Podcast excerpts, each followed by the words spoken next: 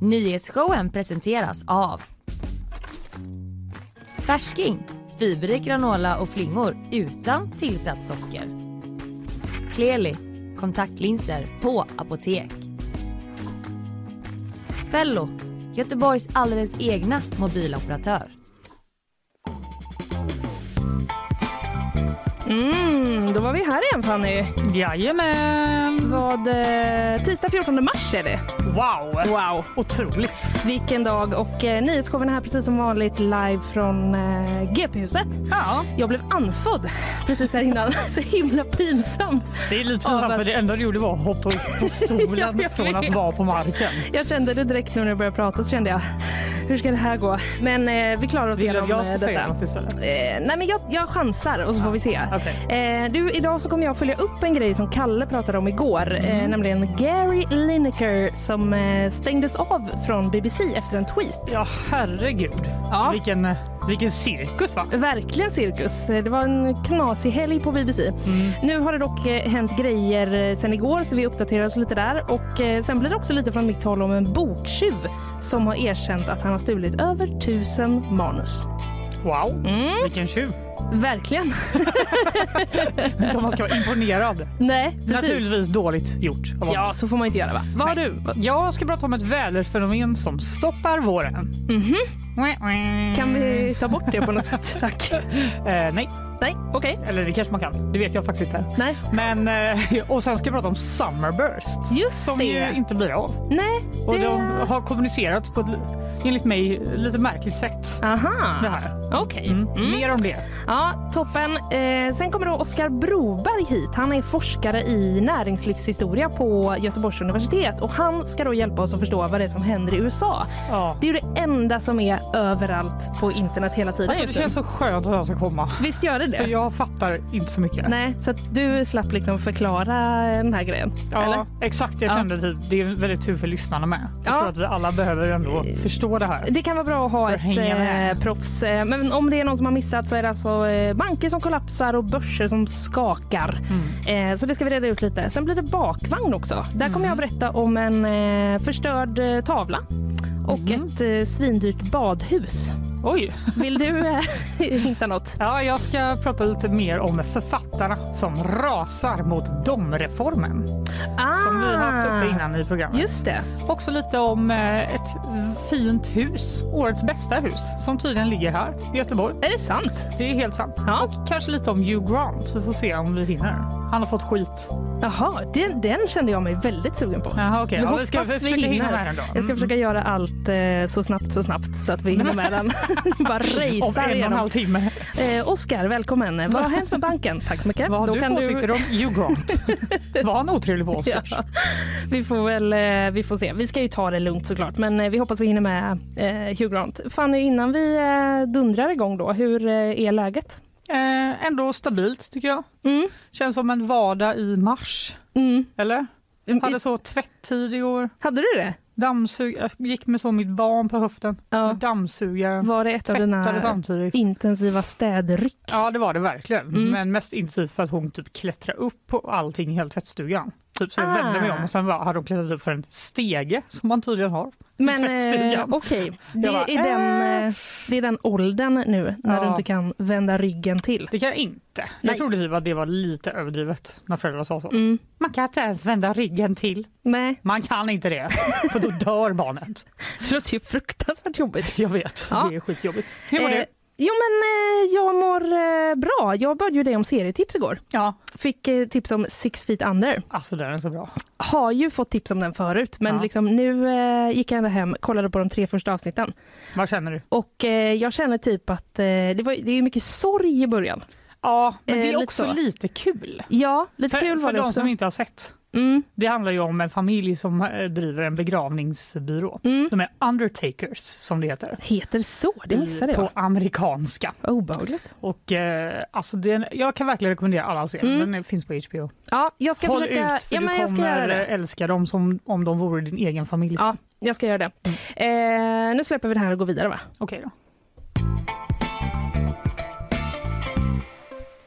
Minns du att det var vår ett litet tag? det var faktiskt det.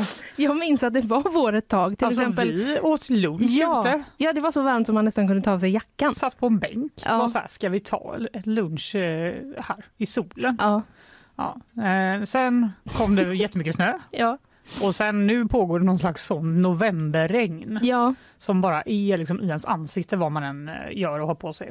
ja. Men det finns en anledning till det. Det är nämligen ett väderfenomen som har satt stopp för vår älskade vår. Vad är det för fenomen och hur får man bort det tack? Jo, jag läser här i Svenska Dagbladet Ja. att ja, det står faktiskt, de har också konstaterat här, de tar ansvar för hela Sverige. Mm. Hela Sverige har liksom lamslagits av nederbörd på olika sätt. Kollektivtrafik, nej tack. Nej. På nätterna typ minus 10 minst. Va? Och, ja, här var det minus 13 någon dag där förra veckan. Ugh. Och då har de liksom surfat in på SMHs hemsida Mm. och där kan man läsa historiska jämförelser över temperaturen genom tiden. Då. Mhm. Hur var det i mars 1991? Ja, det undrar man kanske. Ja, det undrar man kanske om man vill typ veta om det här vädret är ovanligt jävligt Ja. eller bara Ja. så som man ska förvänta sig. Mm. Och då visar det sig när de har varit där inne att det har varit ovanligt kallt i mars i, i år om man jämför med snitttemperaturen 1990 till 2020. I hela Mhm. Sverige har det varit ovanligt kallt i mars. Mhm. Eh, faktum är att mars har varit kallare än februari. För februari har varit ovanligt varmt i år i hela Sverige. Varför kan de inte bara vara som de brukar vara? Det blir så rörigt när de ska så- byta. det är så svårt att dra någon slutsats också. Jättesvårt. Det, å ena sidan och å andra sidan. Ja. Är det ovanligt varmt eller ovanligt kallt? Båda!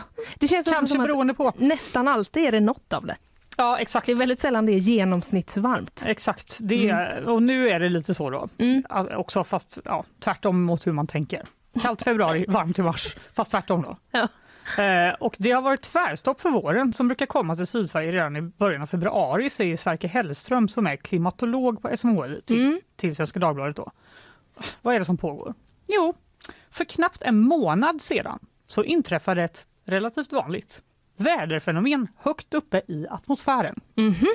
Eh, Då är det så att en plötslig uppvärmning av stratosfären gjorde att den så kallade polarvirveln, Den känner man eh, typ att man har hört om någon ja, gång. faktiskt, det är typ vindar som blåser upp i atmosfären, Ja, som okej. kallas för det. Mm. Då bytte den helt plötsligt riktning. Fan vad obehagligt. Ja, det är lite sjukt faktiskt, men det är ju då att man- ja, det är väl det som händer när, när luft blir Ja, varm så ja. rör den sig. Bla bla bla. Och det gjorde i alla fall att kall luft blåste söderut från Arktis och det kan vara förklaringen till det kalla marsvädret i Sverige. Mhm. Det liksom blockade Mhm. på något sätt. Så vi har liksom ishavsvindar som har gjort att vi exakt det ser känns ut som det när man går upp på morgonen. Eller ut genom huset. Eller ut ja. Mm. Eh, Och då verkar det som att forskare då håller på och debatterar om de här förändringarna i polarvirveln kan hänga upp med global, global climate change, typ Jaha. den eh, globala uppvärmningen. Ja. Och där går det liksom såklart, som det brukar vara, åsikterna isär lite. ja. Mm. Eh, vissa menar då att de smältande isarna i Arktis kan leda till att den här polarvirveln blir svagare och mer böljande. Mhm. Och det kan orsaka plötsliga temperaturförändringar på norra halvklotet. Okej. Men SvD har ringt till Gunilla Svensson, en eh, meteorologiprofessor. Helt vanlig kvinna i Motala. det låter så det är. Hon frågat vad hon tycker. Nej, hon är professor Ja, självklart. Stockholms universitet. Mm. De bara, vad tror du Gunilla, är det varmt och kallt hos dig?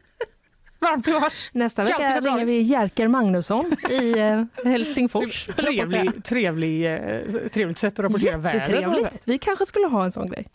Så här lokal. Mm. Ja, eh, ett tips till nyhetsdesken om ni lyssnar. Mm. Nej, professorn Mm. Gunilla Svensson. Hon säger att det finns ett samband mellan rörelser i polarvirveln och skillnader i temperaturer. Men om det är klimatförändringarnas fel, det vet man inte riktigt. Det är inte lika tydligt säger hon. Nej, okej. Vem vet? Ja. Helt enkelt. Men nu ska vi avsluta detta med en positiv ja, nyhet. tack. Jättegärna. Den kallaste perioden kan snart vara över. Mm. Det säger Sverker Hellström på SMHI. Jag är inte säker på att det här blir bestående resten av mars. Vi går mot lite mer dämpat väder. Vad betyder det? Vi kanske har haft den kallaste perioden, säger Ja. han. Dämpat väder, så himla så här objussigt sätt att säga. humör. Det kanske blir lite varmare, det vill man inte säga så. Nej, Lite mer dämpat väder, det är inte så liksom. Me- eller menar han Kaosigt. typ att det blir väder som inte rör upp så mycket känslor?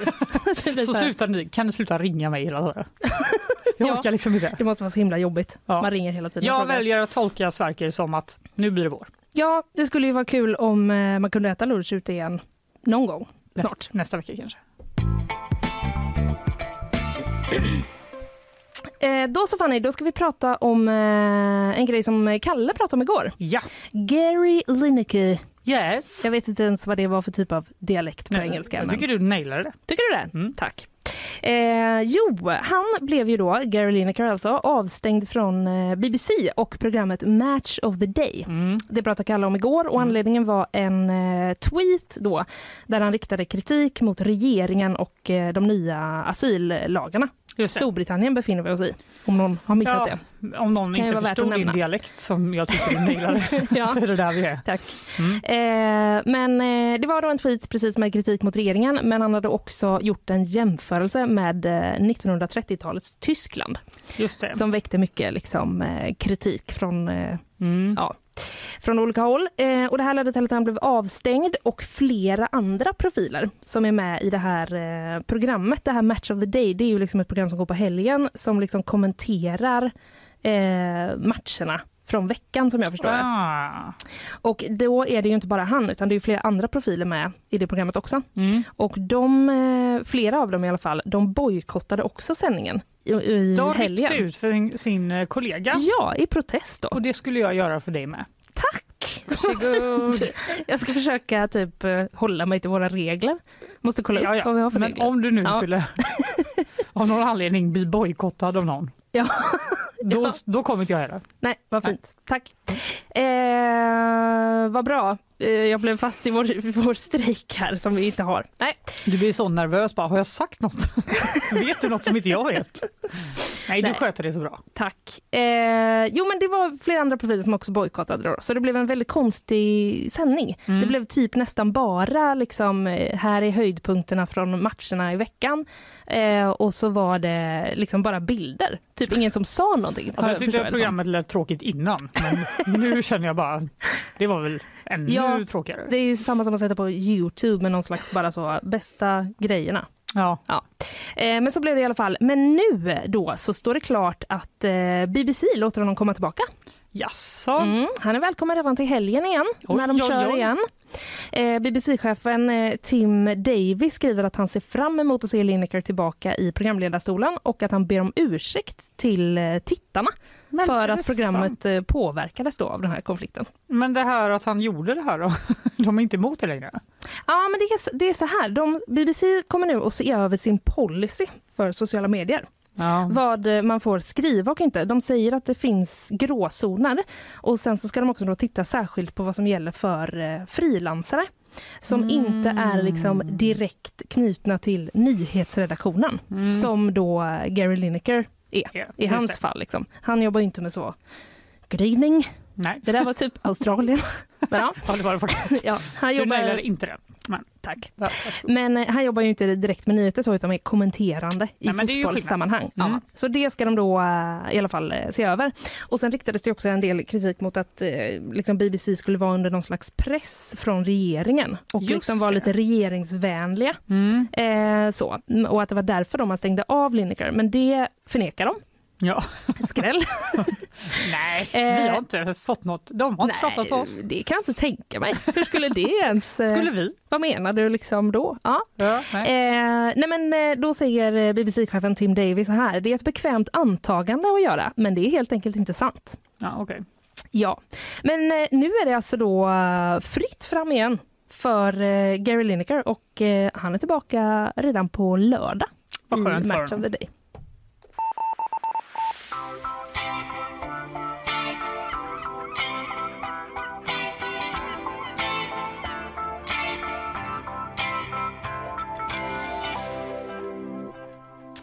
Då eh, sitter man väl som alltid och blir lite sugen på nyhetssvep va? Ja, jag är faktiskt väldigt sugen på det. Mm, men du får hålla dig för eh, först så ska vi lyssna lite på våra sponsorer. Okej.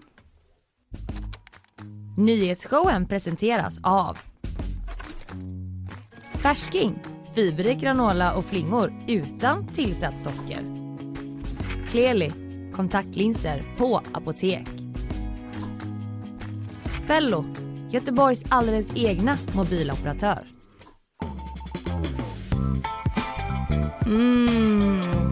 Det är höga stolar, förlåt men jag bara säger det. Blev du eh, andfådd Isabella Persson, vår nyhetsrepare? Ja, det blir jag alldeles för ofta. Ja. Men det var väldigt bekvämt. bekväma, så ovanligt bekväma stolar idag tyckte jag. Du vill bara inte stå upp. Du vet Nej, det vill jag aldrig Det är göra. precis samma stolar som vi använder eh, Varje dag. varje dag. Ja, men det kändes, den här kändes bättre på något sätt. Det kanske är någon som har gjort något med eh, just ditt ryggstöd. Kanske. Mm. Vilken Eh, otroligt intressant diskussion. vi viker nästa 20 minuter av programmet till eh, att Jag testa olika ut. stolar. Du har redan gått hem. Ja. Ja, jag gick hem. Nej, vi gör som vi brukar istället. Vi kör igång med ett eh, nyhetssvep Så Det gör vi. Två män har förts till sjukhus med allvarliga skador efter en skottlossning i Salem söder om Stockholm i natt. Skjutningen ska ha skett i närheten av en bostad och den ena mannen ska ha skjutits utanför medan den andra ska ha skottskadats inne i bostaden. Ingen har gripits misstänkt för skjutningen som i nuläget rubriceras som mordförsök och polisen vill i nuläget inte kommentera om skjutningen har koppling till tidigare våldsdåd i Stockholm den senaste tiden. En man har i natt misshandlats när han satt i sin bil i närheten av Älvängen station. Enligt initiala uppgifter ska flera enligt honom okända personer ryckt upp bildörren och börjat slå honom i ansiktet och de ska också ha försökt tvinga sig till pengar. Det är oklart om de fick med sig något när de senare försvann från platsen och mannen fick föras till sjukhus för kontroll. Både Ryssland och Ukraina uppges lida stora förluster i kampen om staden Bachmut i östra Ukraina. Detta rapporterar BBC. Enligt uppgifter från Ryssland så avancerar de ryska styrkorna men situationen ska fortfarande vara mycket svår och Ukrainas president Zelensky säger att Ryssland förlorat över tusen man de senaste dagarna. Medan Ryssland rapporterar att över 200 ukrainska soldater dött det senaste dygnet. En grop i vägen på Härlandavägen gör att flera hållplatser ställs in på linje 17. I riktning mot Östra sjukhuset är hållplatserna inställda mellan Olskrokstorget och Härlanda vilket också påverkar hållplatsen Redbergsplatsen. Man arbetar för att fixa hålet som ska vara så pass stort att det anses vara en trafikfara och det är oklart när detta kan vara åtgärdat. Men vad är det här för ett hål? Det är ju mina delar av stan. Ja det är ju det. Här borde du inlett med och den nyheten. Nej jag skojar. Men vad, kan det vara någon form av slukhål? Ja, alltså, det, jag tycker också det här definitionen av ett slukhål är alltid så. Ja den är ju... Vad betyder det? Ja. Men ja, typ. Ett jättehål Finns att det, det finns inte möjligtvis bilder på g.se? det finns... Det finns? eh, Linnea br- avbryter hela sändningen Nej det gör jag för att inte. kolla på bilder. det på finns bilder. Men Ja. den, eh, De är lite halv... eh, Den kanske inte visar själva hålet. jo, alltså det visar verkligen hålet men det Ja. ser ju inte ut att vara... Det ser inte, så, det ser inte ut som man Det tänker sig. underwhelming. Ja, lite så. Man Ja. hade ändå hoppats att det var så. Men Ja. eh, uppenbart tillräckligt stort för att störa trafiken. Ja, eh, det är ju ändå värt att veta så att säga. Isabella, eh, tack för nu. Vi ses lite senare. Det gör vi.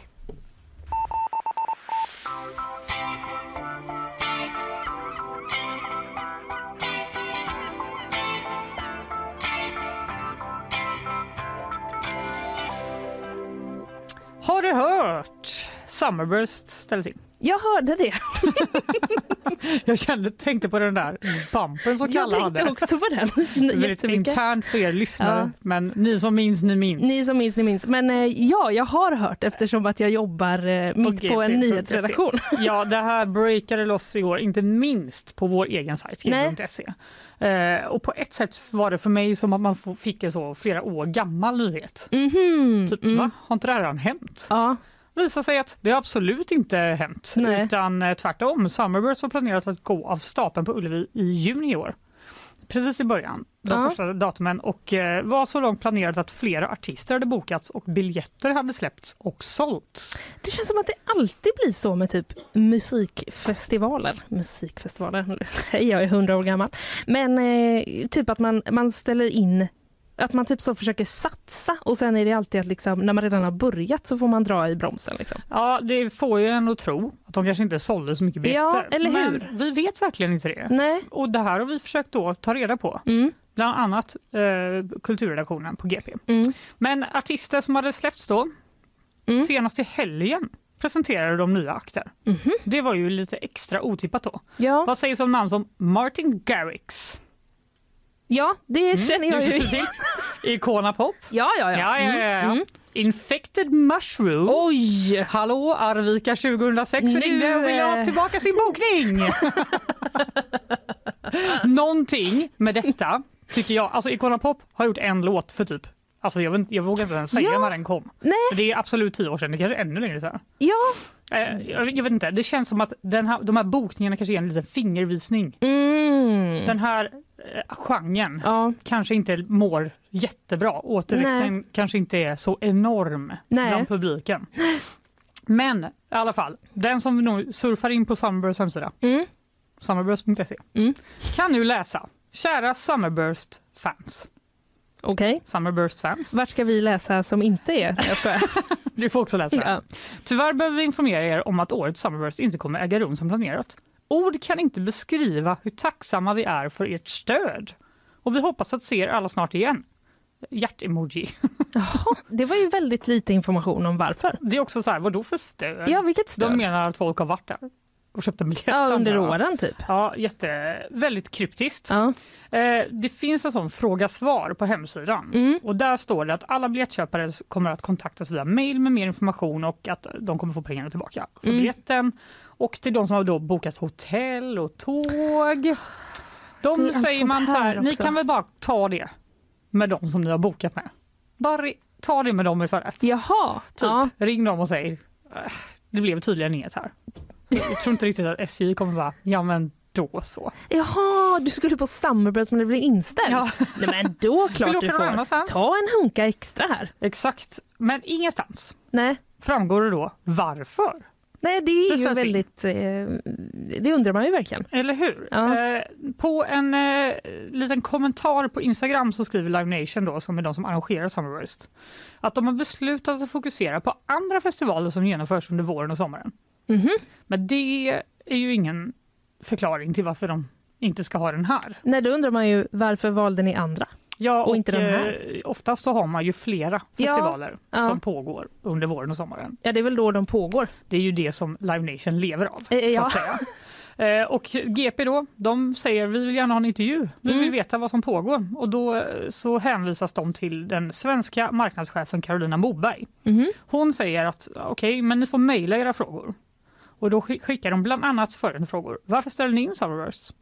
Hur ser biljettförsäljningen ut? Och Mm. räknar ni med att ni återvänder med Summerburst nästa år till, som, till Ullevi? Mm. Förra året så var det tionde året i rad som de hade genomfört Är det Summerburst tio år? Ja, så då undrar ju de, är det liksom en tillfällig grej Ja. eller kommer ni komma tillbaka? Mm. Då svarar Carolina Boberg, vi har beslutat att fokusera på de fyra festivaler som vi genomför under våren. Ah, Och som kommer att skapa oförglömliga upplevelser för fansen. Det är också Aha, lite så här, det är som att man så, ska gå på Håkan Hellström och så ställer de in det och bara Iron Maiden kommer ju. Du kan väl gå på det? Det Det- kommer också vara gå på den istället. oförglömlig upplevelse för fans. Det ja, det, hon svarar helt enkelt på frågan. Nej. Det viktigaste för oss är att informera biljettköpare, vilket vi har gjort. Men det är bara det att de har ju fortfarande inte berättat för, för de här biljettköparna varför det här har hänt. Då. Nej. Eftersom Live Nation inte svarar på några av våra frågor, skriver man på g.se, Mm. så mejlar vi på nytt. Men varför ställer ni in Summerburst på Ullevi? Att ni fokuserar på andra festivaler säger ju ingenting om varför ni stänger ner Summerburst. Och ni släppte ju nya akter alldeles nyss. Live Nation har inte svarat på det mejlet. Nej. Vi vet inte. Men det som har hänt då att eftersom de inte vill berätta varför så har ju det lett till att eh, folk som har köpt biljetter och Mm. tänkt gå på Summerburst Mm. bara inte fattar om det är på riktigt eller inte. Så Nej, nu nej. när man går in på deras hemsida och sociala medier så är det folk som bara fick ett konstigt mail. Är Ja, det fake eller? ja, Har ni ja, ja. också fått det mejlet? Eller hur? För man tror ju att alla... eh, Man tror ju att många mejl är fake. Ja, alltså vi får ju liksom eh, alltså, groteska mängder Ja. konstiga fake-mail varje Ja, dag. ja, ja. Det är. Postnord som vill att man ska hämta något. Det är Tele2 som har stängt av ens mobil, eller det ena med det tredje. ja. Vi har ju till och med fått gå fe- sådana kurser på GP som är så här, så här vet du om något är fejk. Exakt, men det, det gör att jag tror att alla sådana mejl är från den kursen. Jag Och, då, vet. och vet du vad det gör? Det gör att jag tänker, Allt alltså jag, jag klickar ju inte på dem, men det gör ju att jag tänker, de är inte så farliga, det är bara kursen. Ah, Ja, Bara en tanke som har väckts det var lite mig. intressant. Men jag har ju fortfarande inte klickat på något. Nej, gör inte det. Men Det eh, ska man inte då, folk som har köpt då biljett tror att eh, även det här är fejk och eftersom det Mm. inte st- framgår varför. Då. Ja. Och GP, eftersom de inte fick svar från Live Nation, gjorde de ett eget litet gräv. Mhm. För samma dag som Summerburst skulle då gå av stapeln i början av juni, Ja. då ska en jättestor gratisfestival arrangeras på Frihamnsbyrån för att fira Göteborgs 400-årsjubileum. Den ju! Sara Klang kommer, Jens Lekman kommer, massa andra artister kommer. Fyra dagar gratisfestival Ja, den har ju vi pratat om här till Den och har vi med. pratat om här. Ja. Eh, och då tänker de så här, hmm, Men det Kanske kanske, kan inte det är en vara- slump då. nej, kanske kan det vara en Mm. anledning. Mm. De har ringt Christian Ferrara som är projektledare på Göteborg Company och han, är, han vill inte spekulera i att det här skulle vara någon anledning. Den Nej, här enorma gratisfestivalen. nej. Kan det betyda att Summerburst inte sålde någon Nej, det. biljett? det är ju svårt för honom att svara på varför en annan arrangör. Ja, han får till exempel hårda frågor som planerar ni för att eller typ, tar ni hänsyn till att Mm, andra kanske mm. vill ha en festival samtidigt? Mm. Men han säger i alla fall att jag vet väl inte det, men jag tror att de här evenemangen har olika målgrupp. Jag tror inte det är därför. Nej, okej. Eh, sen tänker jag att målgruppen som gillar att göra saker gratis är ganska stor och allmängiltig Ja. dock. Ja. Eh, jag har också gjort ett eget litet gräv. Är det sant? Ja, eh, mitt gräv är så här. Den här typen Mm. är av musik är helt förlegad och eh, Summerburst har mest varit till för folk som vill festa. Ja. De vill gå dit och bara whoop, whoop. ja. Nu vill inte ungdomar festa längre. Det vet vi ju. De nej, dricker ingen alkohol. Nej, de dricker De ingen alkohol längre. Nej. Nej, de kanske knarkar lite mer, men Ja, det är just det. Det är det de gör överlag tror ja. jag att de mest är hemma. Så jag chockad. Så chockad blir jag. Vi Ursäkta? kan fråga våra praktikanter sen. Precis, vi har, ju, unga vi har ju två praoelever. Vi får fråga dem sen om det stämmer att eh, man bara gör tumme upp eller ner. Är ni bara hemma nu för tiden hela tiden? Ja! Tumme upp från bägge! Herregud! Ja. Fråga mig om ni undrar något mer om Fingret ungdomen. eh, i luften har du eh, Fanny. Jajamän. Rest in peace Summerburst.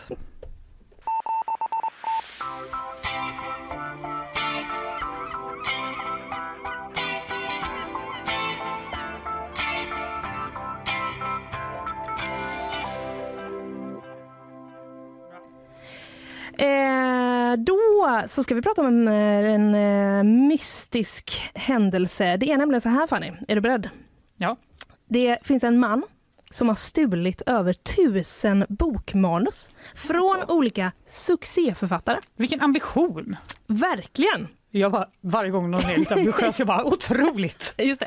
Dock olagligt, Ja, absolut. har det visat sig. Mm, Men eh, under flera år så har den här mannen då genom mail lyckats lägga besva- eh, beslag på bokmanus av bland annat Margaret Atwood, Sally Rooney men också eh, David Lagerkrans och eh, Jonas Jonasson. Oj, oj, oj, alltså att vi har såna författare? Mm. som är uppe Vi där. har sådana som en internationell boktjuv är Ja. intresserad av. Det får man ändå Duktiga vi. ta till sig. Ja. De kanske borde gått den här kursen som vi har gått, cybersäkerhet och Stackars dem. ja, de har.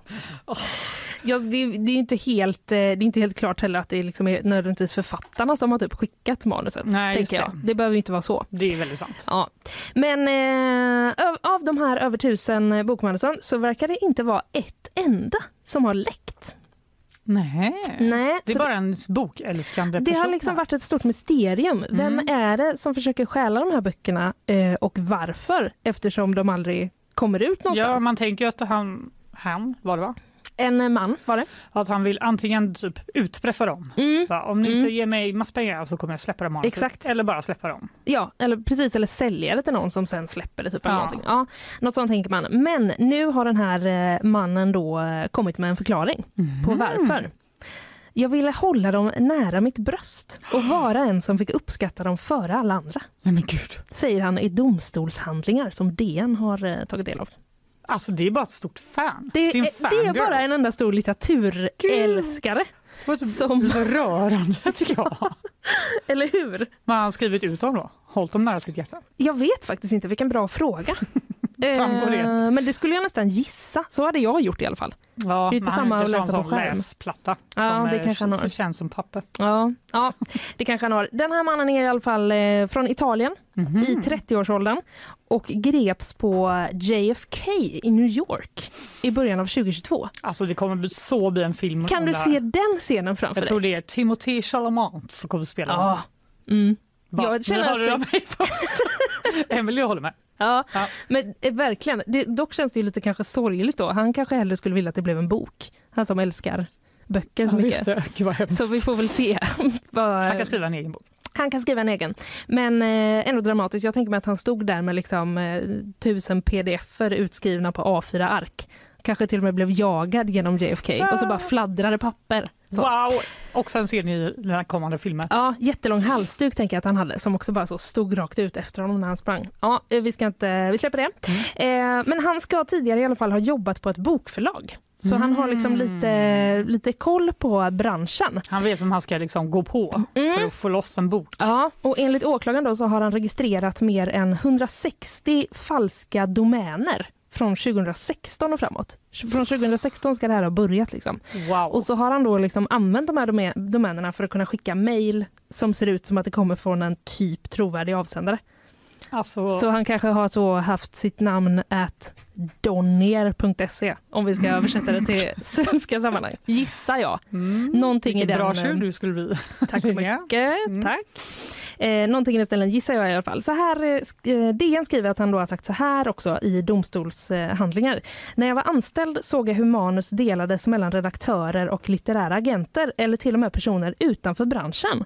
Så Mm. jag undrade varför kan inte jag också få läsa de här manusen? Det är ju oss han syftar på. Då. Ja, Vi kan ju ofta få en bok precis att man får innan den i den gått till förväg. tryck nästan. Mm. För att man ska göra något stort porträtt på någon författare eller Ja. så. Recension också väl? Recensioner Ja. och dylikt. Varför kan då inte han få? Nej, jag håller med. Ja, Man kanske borde bara bett. ja kanske. Snällt. Men i alla fall, när han märkte att det här fungerade, att skicka liksom eh, lite fejkade mejl, eh, då kunde han inte sluta. Han säger att det blev en besatthet. Ja, Att liksom få tag på det nästa funkade. stora bok. Ja, det precis. klart. Ja. Eh, det fanns tillfällen då jag läste manusen och kände ett speciellt och unikt band med författaren, nästan som om jag var bokens redaktör, säger han. Alltså han är Det- för gullig. Alltså det är ju en eh, man med stort hjärta för litteratur. ja, om alltså, han det inte är ovanligt liksom- nu för tiden. Folk ja. läser inte längre. Nej, Lite mer spaningar om ungdomar. ja precis. Läser ni ungdomar? Tumme upp? Nej. Nej. Tummen ner. Tummen ner. Tummen ner. Absolut inte. De är hemma men de läser ingenting. Jättebra. Vi kanske alltid skulle ha en liten, eh, en liten panel. Det hade varit skönt så man blir bekräftad lite mer under sändning. Ja men precis. Mm. Eh, men nu har han i alla fall då den här bokälskaren eh, ställts inför rätta, erkänt stölderna. Det rubriceras då som IT-bedrägeri Mm. och enligt eh, BBC, håll i hatten, så riskerar han då fängelse i max 20 år. Det är ändå väldigt länge. Det är ganska länge. Men det är att det var så många stölder uppenbarligen. Jag tror det. Och kan inte få tid. liksom lite förmildrande omständigheter att han inte delade med sig av någon? Det är liksom inte skadat så många. Ja, Kanske kanske. att det känns lite kränkande dock för författaren att det sitter så någon random och läser ens bok innan den är klar. Ja, kanske. Eh, I alla fall i april så kommer domaren att meddela vad det blir för straff. För Gud, vad det är- gör man tydligen inte samtidigt Nej, som man liksom döms i USA. Utan Nej. då kommer det en sån... eh, De bara, du döms men nu ska jag fundera på hur länge. Ja, precis. Ja, men jag tror att det är så. Väldigt Jag konstigt. ska överväga det här och fundera liksom, eh, vad det blir. Känner att jag Men- vill veta allt om den här personen. Ja, men tänk också vilken film det skulle kunna bli om när han väl är i fängelset sen. Och sitter Och och, typ inspirerar alla. Jätteskönt andra. för honom. Ja, men liksom att han, eh, han går runt med en bokvagn. Och, ja, det finns eh, inga gränser här. Nej.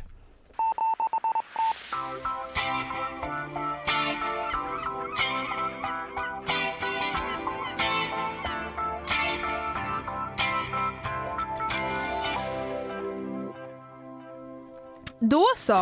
Ja, Ja, du ställde en fråga till mig som jag inte hann svara på. Utan jag tolkar det som tummen upp. Ja, gör det. Tummen upp eh, generellt eh, kan vi säga att jag eh, har.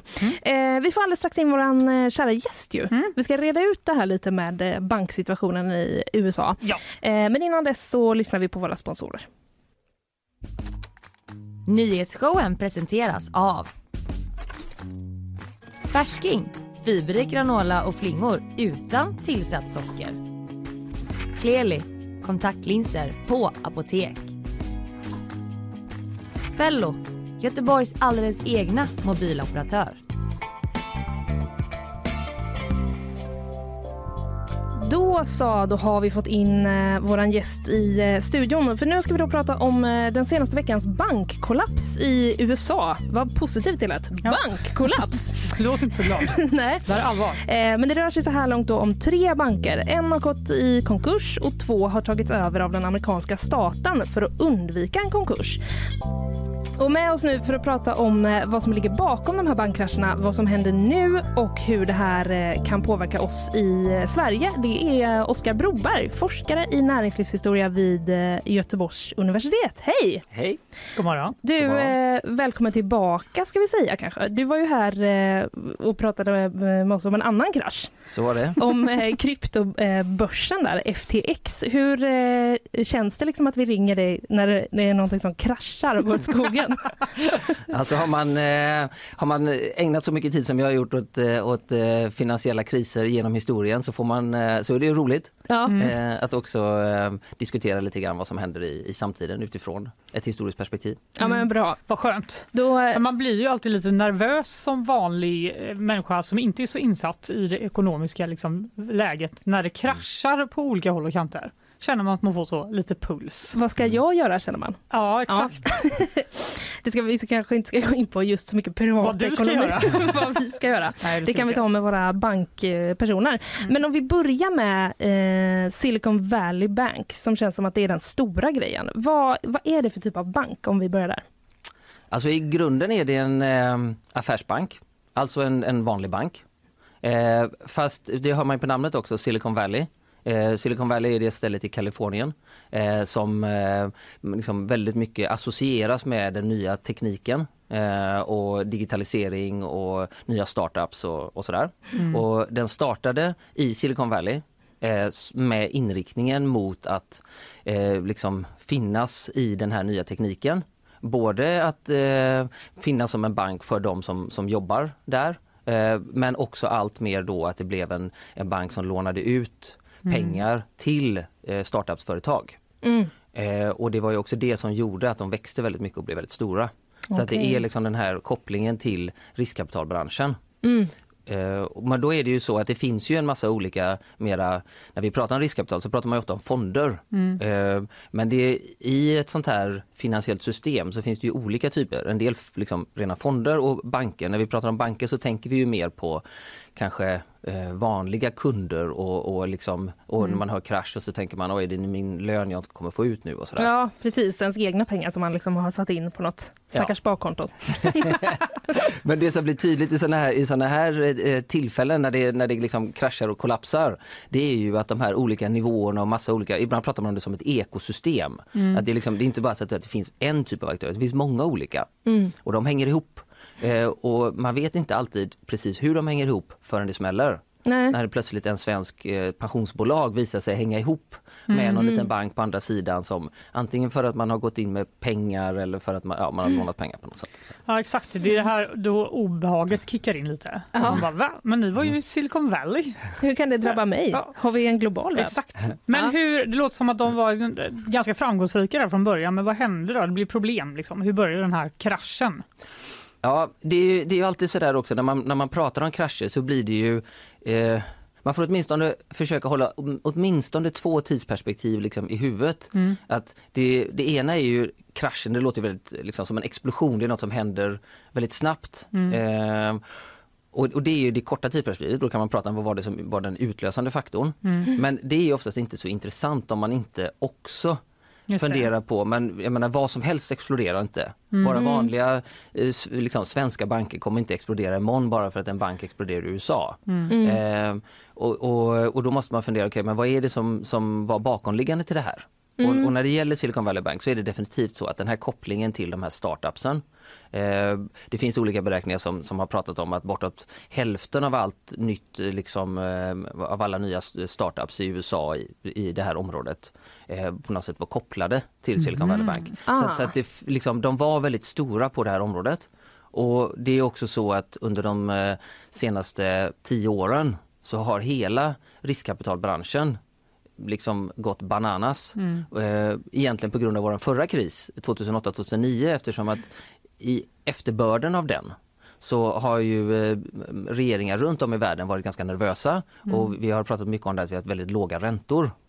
Mm. Eh, och, och en effekt av låga räntor är ju att det är billigt att låna pengar. Mm. Och är man då ett teknikföretag som eh, vill liksom lansera den här nya fantastiska tekniken som ska revolutionera världen om ett år, fem år, tio år. Mm. Om man då kan låna pengar nästan gratis så kan man få nästan vilken kalkyl som helst att gå ihop. Bara man lovar att tjäna jättemycket pengar någonstans i framtiden.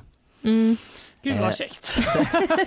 Så att, så att den här liksom kopplingen till riskkapitalbransch, vilket i sin tur är en koppling till liksom ny digital teknik och nya företag i den här liksom jättestora digitaliseringen som vi är inne i. Mm. Alltså Andreas Cervenkas har skrivit om det till exempel i sin eh, bok om gir i Sverige. Eh, man kan också lyssna på ett väldigt spännande eh, avsnitt av podden Kapitalet Mm. som, som de gjorde i november som handlar om att festen är slut i Silicon Valley. Mm. Som, just, som just handlar om det här att, mm, att vi nu har haft en, en längre period med väldigt låga räntor och då är det eh, väldigt billigt att låna. Mm. Eh, och eh, man kan få då såna här eh, affärsmodeller för framtiden Mm. att, att eh, se kanon ut. Och sen så stiger räntorna. Mm. Eh, och då dels så ser ju framtiden mycket mörkare ut då plötsligt på de här kalkylerna.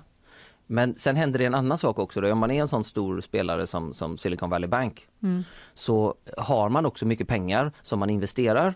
Och alla de investerar man inte i liksom, riskfyllda startups utan man investerar också i obligationer för att man ska få en jämn eh, ut, utdelning. Vad är en obligation egentligen? En obligation är, alltså men det finns två kan man säga huvudsakliga, om du har pengar över och du inte sätter in dem på en bank så kan du antingen köpa en aktie. Och då det innebär ju att du faktiskt köper en ägarandel i ett företag. Och så kan aktien gå upp och den går, den går ner och, men du vet inte hur mycket du ska få för avkastning på den. Men ett företag eller en stat kan också ge ut en obligation och då lovar de och så säger de att ja, du får inte någon ägarandel genom att köpa den här obligationen men vi lovar att betala dig 5% 2% eller vad det nu kan vara, vad som ränteläget är, varje år. Okej. Så, att, så, du liksom, så länge du litar på att den här staten inte kommer gå under eller att inte det här företaget kommer gå i konkurs så ska du kunna räkna med att du får så här många procent Ah, i ja, avkastning varje år. Okej. Problemet är att om du har köpt obligationer för 100 miljarder Mm. eh, och så är det en lågräntemiljö så du ska bara få 1 procent. Ja, det är väl okej tänker du. Det är bara det att sen stiger räntan till 5 procent. Så alla andra kan nu köpa obligationer som de får 5 procent avkastning men du får bara 1 procent. Och det, Ja, det, då är inte de obligationerna så intressanta längre. Nej. Eh, nej. och då pratar man om att då liksom faller marknadsvärdet på de obligationerna. Mm. Alltså för du, du kan ju sitta på en obligation och bara få den här avkastningen. Men då får du 4% mindre avkastning än alla andra får på Mm. sina pengar för tillfället. Men då kan du säga att jag vill inte sitta på de här längre, jag går och säljer dem. Det är kanske någon som vill köpa dem. Och du kan ju sälja dem. Det är bara det att det är ingen som är intresserad av att betala kanske mer än 20 miljarder för de där 100 miljarderna som du betalar. Mm. För att om du betalar 20 miljarder och får motsvarande avkastning, då är den okej. Ja, ja, ja, för den räntan är liksom fastlåst. Precis. Den ändras inte för att man säljer Nej, till någon nej, annan. nej. Och så Men- börjar det helt enkelt. Ja, och då, så då eh, hade de både lånat ut pengar till de här eh, riskkapitalbolagen och sen hade de investerat i, i eh, obligationer som plötsligt blev väldigt mycket mindre värda. Och då blev det ett stort svart hål i deras balansräkning. Mm. För sen var det ju då eh, bankrusning. Det är ju ett ord man har hört. Var det Ja. det som eh, skedde? För visst var det så att de gick ut och på något sätt var lite, hörni nu går det inte toppen för oss. Mm, mm. Och det sen ledde till den här, vad är en bankrusning? Ja, för då kommer vi in på det andra då, det som är Mm. det mer utlösande faktorn. Mm. Eh, och då är det ju så att en, eh, en bank eh, tar in pengar för folk sparar där och sen så lånar man ut pengar. Eh, problemet är, och det ska ju vara liksom, det ska ju finnas en balans i det. Eh, problemet är ju antingen om de pengarna som banken har lånat ut, om det har varit massa kreditförluster så de pengarna har försvunnit, då kan de inte betala alla som har satt in pengar. Mm.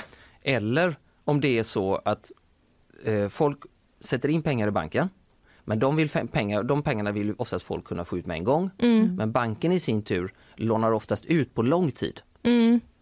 Så, och, så även om det egentligen, egentligen finns pengar så kan det vara svårt för alla sparare att med en gång ta ut alla sina pengar. Mm. Men vanligtvis så händer ju inte det. Nej. för vanligtvis Nej. så vill någon ta ut pengar och någon vill ha kvar dem. Och, och sådär. Men om man då plötsligt känner sig oro för att men den här banken kommer inte klara sig så vill alla, vill alla ta ut sina pengar på en gång. Mm.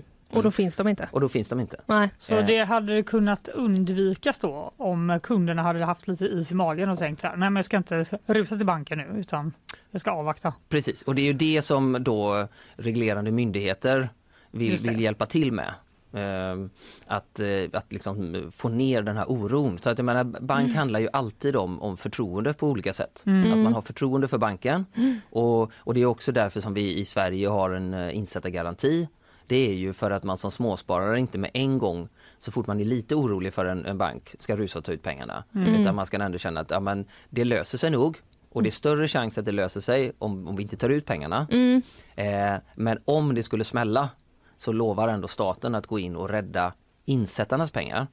Men det viktigaste är att göra då distinktionen att man, man är beredd att, skydda insättarna. Däremot vill man ju inte skydda aktieägarna. Nej. För att om, om, en, om en bank ägnar sig åt väldigt riskfyllt och så kanske det går jättebra och så tjänar de massa pengar. Då är det ju ägarna som får de pengarna. Insättarna får inte så mycket pengar. Men om det väl smäller då, då vill man göra den distinktionen att man vill skydda insättarna. Men, men ägarna som kanske, jag menar som i Silicon Valley Bank, de har ju tjänat supermycket pengar Ja. under många år. Så De, där vill man då... de gamblar lite mer. Med, Ja men det är det som är att köpa aktier, då tar man Ja. också en risk och då, då får man också ta det när det smäller. Så det är, där är det viktigt att göra den åtskillnaden då. Ja, just det. Men nu, eh, alltså, har, den- har den här banken liksom gjort, eh, gjort något fel, eller ägarna till banken då? Har de gjort något fel eller är det liksom bara så här kan det bli ibland? Vad kan man säga om det? det kanske är en jättesvår fråga. Nå, eller jag skulle nog egentligen säga att på sätt och vis är den ganska lätt. Ja, För att det är väldigt svårt att hitta några bankkriser genom historien där banklinjer inte har gjort något fel. Man har alltid gjort något fel när ens bank går under. Sen är frågan hur mycket man har gjort fel, om man har gjort något brottsligt, om det är så att eh, liksom eh, det är klart att det finns inslag av, alltså där bankledningen är så inkompetent eller kriminell så att allt kan lastas för dem. Eh, och det finns ju exempel på det. Jag menar Bernie Madoff han hade ju en ren liksom, eh, hittepåverksamhet för, för 20 år sedan och så fick han ett par hundra års fängelse. Det var liksom inget, det var inget snack om att han hade eh, liksom, gjort, Gjort fel. fel. Nej. Eh, men sen finns det andra exempel där det är liksom, och det så som det oftast är, att, eh, att man har haft en bankledning som har tagit mycket risk under ett antal år och oftast tjänat mycket pengar. Eh, och nästan alltid under, liksom, man har varit framgångsrik och, och man har liksom sett som en, man har hållit på med finansiell innovation och hittat på nya saker och spännande och, och sådär. Och sen så visade det sig i något läge att de där riskerna man tog var större än man kanske anade. Eh, och, och då blir det ju en fråga, ja, men hur mycket anade man och borde man inte ha insett det här och sådär. Eh, och i varje kris så finns det ju alltid liksom en, en skala av några som ligger längst ut och tog mest risk och som, eh, som smäller. Och sen så blir det någon slags skala med vilka som bara fick kanske en del förluster och vissa som klarade sig ganska bra. Och så blir det en diskussion då också om ja, men hur, hur stora var de här utomstående händelserna? Till exempel ränteuppgången. Hur mycket av det borde man kunna ha förutsett? Eh, Och då blir det svårare. Det kan man inte alltid direkt säga. Men man kan nog svara ganska lätt på att ja, de har gjort fel annars så smäller det inte. Nej. nej. Men hur mycket pengar är det som har försvunnit nu då inom situationstecken? Det, det är en fråga som i princip är omöjlig att svara på i, i, med en gång. För att det beror så mycket på hur liksom, krisen spelar ut sig. Och eh, vi vet ju fortfarande inte, det, menar, det är bara att, att titta eh, nu, alltså den händer, krisen händer, händer just nu. Och vi vet inte riktigt, eh, kommer det sprida sig till fler banker? Och vi vet inte riktigt heller om det kanske räcker nu då när amerikanska staten har gått in och säger att ja, men vi ska garantera insättarna. Då kanske det är också så att det lyckas få stopp på det och att en del av de förlusterna som har skett kanske man kan eh, få tillbaka genom att eh, priser stiger. Och, och sen så kommer det också att vara beroende av eh, framtiden som vi inte, som vi inte vet mycket om. Jag menar, så det var ju väldigt tydligt i, eh, i den svenska bankkrisen, på, på den stora svenska bankkrisen på 90-talet. Alltså det tog eh, årtionde innan vi visste vad den kostade. För att eh, ja, men det, det är en sak när det smäller och så säger man att nu har 10 miljarder gått upp i rök. Ja, men då kanske det är så att vissa tillgångar har tappat väldigt mycket i värde. Men om man då har is i magen och behåller dem så kan det ju vara så att om ett par Just år det. så stiger de i värde igen. Då stiger de igen. Ja, eh, ja visst, lite sådär, eh, det brinner i hjärnan när man Ja, försöker det tänka. Men, eh, men så är det. Så men det är, ofta, så ofta. Ja, det gör det väldigt ofta. Men eh, som jag nämnde där i början, det är ju andra banker liksom också som har eh, drabbats av eh, problem och då, vi är ju väldigt tidigt då, precis som du nämnde. Liksom. Men vad kan man säga, hur, hur påverkar det här liksom resten av världen? För det har det väl ändå gjort, och, och Sverige? Mm, mm. Jo men eh, det påverkar ju på några olika sätt. Dels är det ju eh, att det då synliggör att vi har kopplingar idag som är globala. Vi, vi investerar eh, kors och tvärs. Eh, och ett sånt, kanske det tydligaste exemplet, det är ju det här svenska pensionsbolaget eh, Alecta som, eh, som då har gått in och, och varit ägare i, eh, i både Silicon Valley Bank och i, i Signature. Som är två av de här eh, stora bankerna. Och, eh, så, så de förlorar ju mer direkt då i, i form av att de är ägare och som jag sa då, så ägarna förlorar sina pengar för att de har tagit risk. Så det är liksom inget konstigt. Eh, sen kan man ju säga att ja, det låter ju mycket. Alltså de förlorar kanske, alltså de pratade om kanske storleksordningen 10-12 miljarder eller sånt där och det är klart att det är mycket pengar. Å andra sidan så förvaltar eh, Alecta eh, bortåt 1000 miljarder. Så det kanske är en procent av deras kapital och det är ju mycket pengar. Men det är inte så att det är något överhängande hot mot den som har pensioner i Alecta. Eh, för det är ändå så att det är en sån eh, liten bit eh, och dessutom är det så att många av de här eh, fonderna under lång tid har gått väldigt bra. Eh, även om, ja, sista året har ju varit nedgångar men jag menar tar vi ett lite längre perspektiv så, så, så har det ju varit eh, börsrally på eh, 10-talet. Ja. Så, att- så att eh, man man ska inte heller överdriva. Det blir, kan också bli lite sådär kris och kollaps och, och, och så fort det är liksom internationella kopplingar så låter det, kan det låta värre och, och så liksom står vi inför någon slags global finansiell härdsmälta nu. Eh, och vi kan se att ja men eh, börserna reagerar ju snabbt och kan falla ganska mycket och så hör man det, mycket har om man det. hört, det har man sett och hört Ja. mycket om tycker jag. Att den föll med 60% och den Ja. föll med det. Och... Ja, men jag skulle säga att börsen är ju lite som eh, livet i största allmänhet. Att goda nyheter sker varje dag fast man hör inte så mycket om dem. Eh, och, och de stiger lite någon procent här och där och man tänker inte så mycket på det. Och sen så plötsligt så faller det 10 procent. Eh, men det räcker ju med 10 goda dagar av 1 procents uppgång. Ja. Så dåliga nyheter i livet tenderar att kännas som stora krasch och kollapser. Eh, och att så är det på börsen också. Inte något för den neurotiska kanske att hålla på med börsen. Nej, det finns ju ingen anledning. Skönt att du slipper det då Linnea. Du kan, du kan ju trösta dig med att det är ju precis vad ekonomisk teori säger också. Att det finns väldigt lite som talar för att enskilda människor egentligen ska hålla på och, och, välja aktier på börsen. Eh, så, att, eh, så du kan vara lugn. Jag sitter still med mina fonder. Duktiga ja. du. Tack Fanny. Men eh, jag tänker bara, för amerikanska myndigheter har nu stängt då Silicon Valley Bank och också den här kryptobanken Signature Bank som vi var inne på lite här. Eh, varför gör man det då? Ja, men det handlar mycket om att man vill eh, återställa ett lugn på marknaden. För att när det blir bankrusning i en bank så är man rädd att det ska kunna sprida sig för då blir fler oroliga och då börjar många tänka att det är dåligt i den banken så måste det finnas fler banker som liksom sådär. Och hur, hur specifikt är detta för en enskild aktör? Och om det då är så att ja, men det var en bankdirektör där som höll på med väldigt tveksamma saker, då kanske det är så. Men ofta är det ju mera att det finns strukturer som finns i flera banker. Eh, och då eh, vill myndigheter ofta agera snabbt och resolut.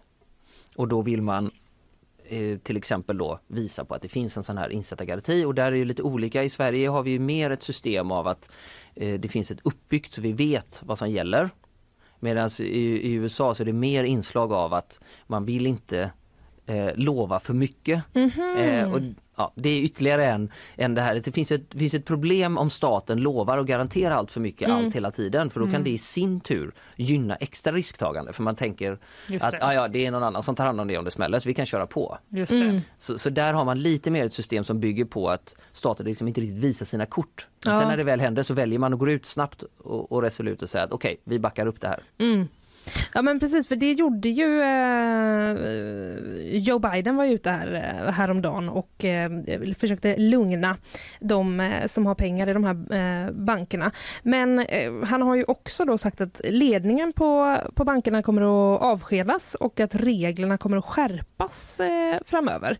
Alltså är det, är det ännu fler banker som ligger i farozonen nu än de här två vi har pratat om? Det är det nog. Ja. Men det är ju också när man är mitt inne i en kris så är det ofta väldigt svårt att veta. Mm. Eh, och olika aktörer har liksom intresse också av att antingen få det att verka som att ja, men det är nog lugnt, det är bara det här. Kanske för att de själva har kopplingar som att de, de vill gärna att det lugnar sig. Mm. Eh, och andra kan ha, ha intresse av att liksom blåsa upp oron. Mm. Eh, sådär. Så, att, så, så det är svårt att veta. Men det finns ju alltså den här yttre oron i form av att vi har haft väldigt höga värderingar och, och på vissa typer av eh, liksom techaktier och, och, och, och så. Och dessutom då de här förändringarna i räntorna. De slår ju mot jättemånga olika typer av aktörer. Mm. Så, att- så att eh, det kan absolut finnas fler. Eh, men samtidigt så eh, tycker jag mig när jag liksom försöker hålla lite koll på vad som händer att det finns inte så mycket som talar för att det har inte dykt upp några sådana här enskildheter. Alltså till exempel den här kopplingen till krypto då. Mm. Eh, det har ju varit väldigt oroligt på kryptomarknaden nu under eh, ett och ett halvt år Mm. med, med massa olika saker. Och det här är ju på sätt och vis bara ytterligare ett exempel på det. Så att eh, ja, alltså på kryptomarknaden är det ju verkligen hela havet stormar. Mm. Sen kan man ju säga att det har det på sätt och vis alltid varit sedan krypto föddes för eh, 15 år sedan. Mm. Eh, så, så det är kanske inte så, så konstigt men det här är ytterligare ett exempel på det. Å andra sidan så är kryptomarknaden fortfarande väldigt liten i förhållande till vår ekonomi i stort. Så att det, det finns liksom, även om, om det är, brinner i hela kryptohuset så, så är det liksom ingen större fara för, för ekonomin i stort. Nej. Men eh, vi, vi måste börja eh, avrunda snart. Men eh, vad skulle du säga, tänker jag, till eh, typ eh, alla, som, alltså, alla som lyssnar? Som, eh, ska, man, ska man vara orolig för att det här på något sätt kommer påverka oss här i Sverige och vår eh, liksom, eh, konjunktur? Eh, alltså inte på, det, jag tycker inte det finns någonting som talar nu för att det här skulle utveckla sig till något, till något eh, jättestort problem. Men det är oro och, och ma- man kan inte liksom med bestämdhet säga. Eh, men det kan man säga, det gäller alltid på, på de finansiella marknaderna. Och eh, det är väl mer troligt att det är eh, liksom de stora samhällssakerna som vi har pratat om. Alltså ener- energipriser, kriget i Ukraina, eh, mm, kopplingarna till Kina och Taiwan och liksom allmän geopolitisk oro och sådär. Eh, snarare än att eh, att det är oro på kryptomarknaden som skulle, som skulle starta någon slags eh, väldigt, väldigt stora förluster. Mm. Det är allmän oro helt enkelt nu. Man får bara Ja, försöka eh, lugna Ja, ner jag, sig. jag tror att Ja. man ska eh, kanske dosera sitt intag av, av finansiella nyheter sådär lite Mm. lagom för att det, det mesta talar för att det som mest påverkar eh, folks vardag är, Mm. är, är andra saker än när sådana här saker smäller. Just det. Mm. Det känns också som att det liksom sitt still i båten tänker jag på så fort man hör om eh, sånt här och aktier som går ner och sånt där. Är det Mm. det man ska göra liksom? Eller? Ja, men alltså sitt still i båten är ofta ett bra, för oss som befinner oss i ändå i ett, liksom i en, i ett välfungerande samhälle med en i grunden välfungerande ekonomi. Mm. så, så, så är ofta sitt still i båten inte, inte så dumt. Och sen att eh, liksom mera långsiktigt när det gäller liksom ens finansiella situation. Att man eh, kanske inte ska ta mer risk än man, eh, än man, än man förstår och, och verkligen vill. Och, och är man superintresserad av, av krypto för man vill ta jättemycket risk och tycker det är spännande kan man väl göra det. Men då är det också mycket risk. Mm. Medans sparar du i en, i en bred aktiefond så är det något helt annat. Och, och, så, att, så man ska inte heller jämföra det för mycket. Nej? Men om vi ska avsluta med en worst case-fråga då. Ja. Vad skulle kunna hända i Sverige? Worst case. Alltså, Linnea bara, varför frågar du det här? Nej, men, nej, men Jag måste du, passa på nu jag, är alltså, jag tycker det är en jättebra fråga. Jag bara eh, sätter mig in i liksom eh, i eh, Oscars perspektiv här. Att Ja, ja. Det kan ju vara allt möjligt. Det kan vara, ja, nej förlåt, jag ska inte Ska du säga. svara åt Oskar? Nej, det ska jag inte är göra. Ja, jag vet. Jag är tyst nu. Ja, men, eh, när det gäller det finansiella så är det ju så att det finansiella handlar ju om framtiden på olika sätt. Mm. Eh, det är alltid, all, alla liksom finansiella instrument handlar om, banklån handlar om, kan de betala tillbaks huset om ett halvår? En aktie handlar hur ska Volvo gå om två år? Och så värderar vi dess aktier och sådär. Så det handlar om en framtid som vi inte känner till. Men det finansiella är inte skilt från det övriga. Så det, det värsta som kan hända är att det händer hemska saker i världen. Och gör det det så påverkar det, det liksom vårt finansiella. Men man ska inte vara alltför beroende av eh, vissa delar av den finansiella marknaden skulle jag säga. Eh, kontanter i madrassen, bra eller dålig idé? Eh, dålig idé. Dålig idé. Bra. Då har vi rätt ut eh, Nu har vi det. ställt de viktiga frågorna här mot Ja, men slutet. det har vi gjort. Eh, Oskar, tusen tack för att du eh, kom tillbaka. Ja, Hjälpte oss tack. reda ut det här. mycket. Det kan Det mycket kul. väl hända att vi eh, ringer igen. Ja, gör det. Tack. bra. Vi ska bara vila på mattan och eh, släppa ut Oskar här så är vi tillbaka alldeles strax. Ja.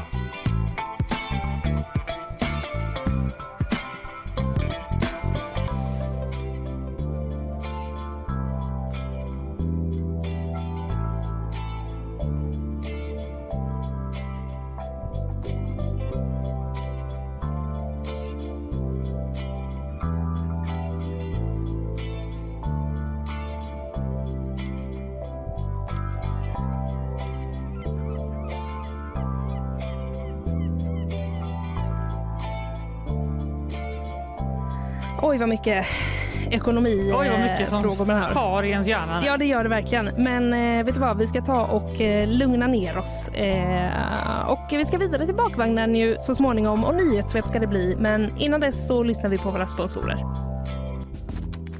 Nyhetsshowen presenteras av Färsking, fiberrik granola och flingor utan tillsatt socker. Kleli, kontaktlinser på apotek. Fello, Göteborgs alldeles egna mobiloperatör. Isabella Persson, Nu är jag här igen. hur eh, känner du inför den ekonomiska verkligen, verkligen brasklapp för eventuell kris eller vad man ska säga då, om man ska vara lite försiktig. Ja, nej men det där orkar man inte tänka på. Nej. Men jag tycker det faktiskt är väldigt, eh, det är väldigt trevligt att lyssna på Oskar. Ja, han är så duktig. Ja, men man känner sig ändå så, ah, ja ja, Ja, du kanske kan, det blir som det blir. ja, du kanske kan smyga in på hans seminarium i eftermiddag. Alltså. Vi får se. Vi går dit om och gömmer Om oss. man vill ha lite extra information. Ja, nej, jag tyckte jag fick nog här va. Ja, det tycker jag med. Ja, men det är bra. Det var matigt Mm. och eh, väldigt intressant. Men nu är man ju också väldigt sugen på eh, ett nyhetssvep i vanlig ordning. Det kan ni få. Vi kör. Tack. Två män har förts till sjukhus med allvarliga skador efter en skottlossning i Salem söder om Stockholm i natt. Skjutningen ska ha skett i närheten av en bostad och den ena mannen ska ha skjutits utanför medan den andra ska ha skottskadats inne i bostaden. Ingen har gripits misstänkt för skjutningen som i nuläget rubriceras som mordförsök och polisen vill i nuläget inte heller kommentera om skjutningen har koppling till tidigare våldsdåd i Stockholm den senaste tiden. Hyrorna för kläd och skohandeln har ökat kraftigt den senaste tiden och Svensk Handel flaggar nu för att det kan få omfattande konsekvenser. Enligt ett pressmeddelande från organisationen kan över 3 000 butiker riskera konkurs eller rekonstruktion inom den närmsta tiden. Relationen mellan hyra och omsättning fortsätter att försämras men många överlever fortfarande tack vare hyresrabatter. Både Ryssland och Ukraina uppges lida stora förluster i kampen om staden Bachmut i östra Ukraina. Detta rapporterar BBC.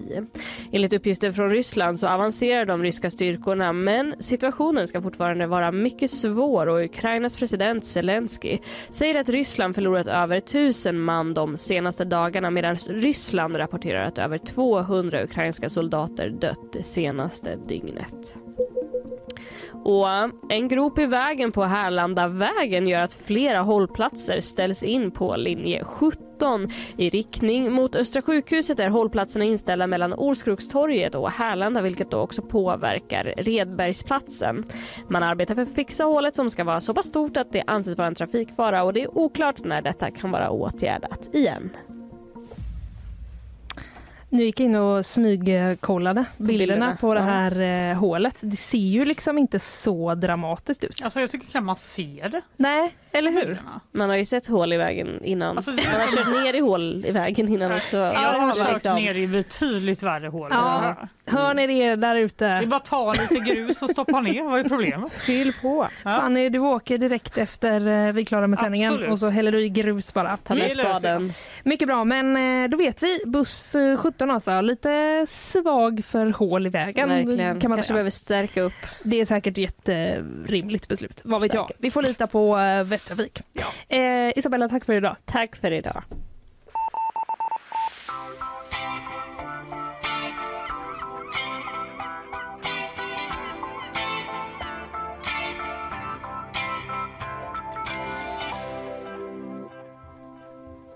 Det pågår ju en debatt där ute.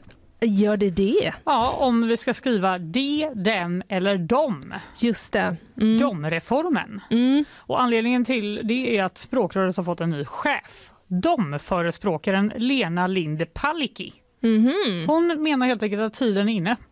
Det är dags för oss att börja skriva dom. Ja. Vad tycker du? En, en, det är fel. Du tycker det är fel? Ja. Ja, Ina och Kalle pratade ju om detta. också från bakom kulisserna. Va, Att det är fel. Av en vuxen person. Av en det, vuxen. det, är- Men vad tycker ni? vad tycker ungdomarna? Ska man skriva dom? Ja, Ja, de tycker de. exakt. Okej. Mm. Kalle och Ina pratade om detta i onsdags. Mm. Tyckte också det var dags att skriva dom.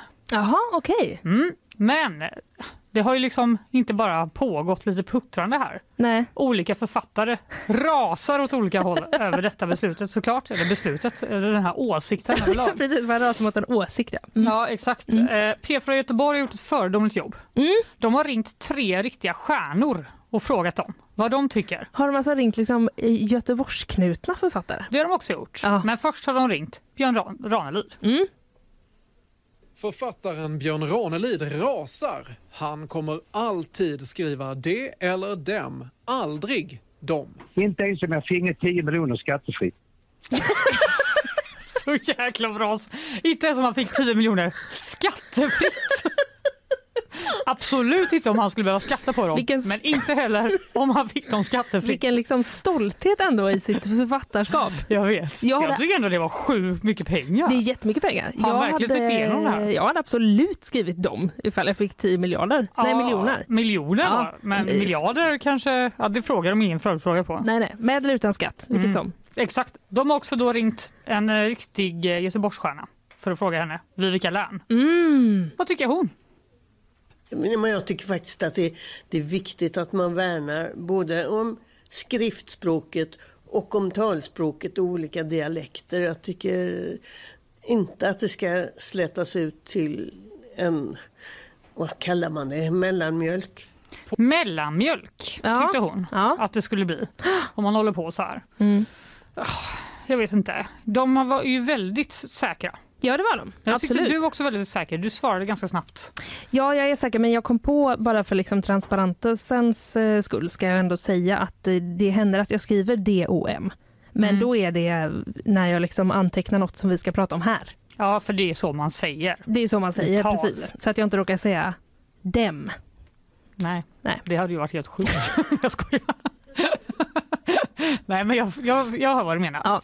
Eh, P4 Göteborg då, som då Sanna journalister är med, de har också ringt någon i, på det andra liksom, hörnan. Mm, ja. Nämligen eh, Marcus Birro. Aha. Han eh, säger så här.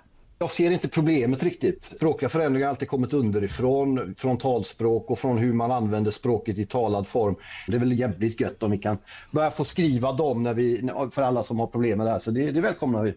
Han tycker det är jävligt gött. Ja, han har ju en poäng. Ja, jag tycker att det var lite trevligare liksom, eh, approach till det hela. Mm. Eh, och det finns väl också eh, då, undersökningar som visar att det är många svenskar som har problem med det här och vill 39 procent vill fortsätta skriva det och dem. Jaha, 39 procent. Ja. Ja. det är ju inte ens hälften. Nej. Men sen står det dock 26 procent vill gå över till dem. Jaha, vad vill de andra? vill? det framgår inte i den här SVT-artikeln faktiskt. De vill bara hoppa Så dålig på matte är inte jag heller. Att jag bara, ja det låter rimligt. Kan det vara vet ej kanske? Ja det kan det säkert vara. Ja. Eh, för det är lite där jag själv känner att jag vacklar. Ja, Jag mm. vill vara, Mm. känner jag, Mm. Marcus Birro. Ja, Jag vill känna att det är väl gött. det vill jag också. Det är väl gött om språket förändras precis som Mm. allt annat. Mm. Och det ska komma underifrån. Och om folk tycker det är så jävla jobbigt att skriva så, då gör vi väl inte det då. Nej, Men det är bara det att jag tycker det ser för jävligt ut rent det ut ser så Det är fult så ut. fult. Ja. Alltså jag kan inte, jag klarar inte av att skriva det själv. Nej, du, nej, du gör inte det. Absolut inte. Nej. Inte ens i ett manus. För Nej. jag var så här, "Ugh, ugh." Men allting är en vanesak, jag vet inte. Vi får Ja, se. Det är väl det, men eh, jag, jag tycker det är verkligen som du säger att så här, man vill väldigt gärna tycka som Marcus Birro för det känns inte så charmigt att tycka Nej, att att det här, är så här. nu ska vi Inget ska så här. förändras. Allt ska vara som det alltid har varit. Ja. Det är väl ingen bra approach. Det är det väl inte, men eh, det är väl också bra att eh, vi är ärliga med vad vi, vi får väl stå för vad vi tycker helt enkelt. Ja, Inte så mycket annat att göra. nej. Är det Frölunda eller? Ja, Ja, nya loggan. Vad tycker du? Den är skitsliten. Nu du Fanny, nu blir det konst. Ja, vad trevligt. Mm. Nu eh, handlar det då om Ibi Pippi Orup Hedegard. Ursäkta. Ja, det är sant. En gång till. En gång till. Ibi Pippi Orup Hedegard. Eh, Jag löste det ganska bra tycker jag. Verkligen. Är det Ja. alltså en människa som namn? Det, det är en människas namn. Det är en konstnär som eh, har klistrat och målat på en tavla av Asker Jorn Jaha. på Jornsmuseet, eller Jornsmuseet i Danmark. Eh, Asker. Mm. Eh, Den här, nu döms den här konstnären till fängelse och miljonskadestånd. Nej, men Skriver gud. eh, DN. Ja. Herregud, ett och ett halvt års fängelse för eh, skadegörelsen då av eh, det kända verket Den förurlige Elling. Jag tycker det var lite väl. Det så det Nu får du tona ner det lite. På Rönnqvist. På, på, Absolut. på svenska Den störande ankungen. eh, från 1959. Kunde du förstå det av eh, det norska namnet, eller danska namnet? Nej, Nej. och då är jag ändå dansk. Va?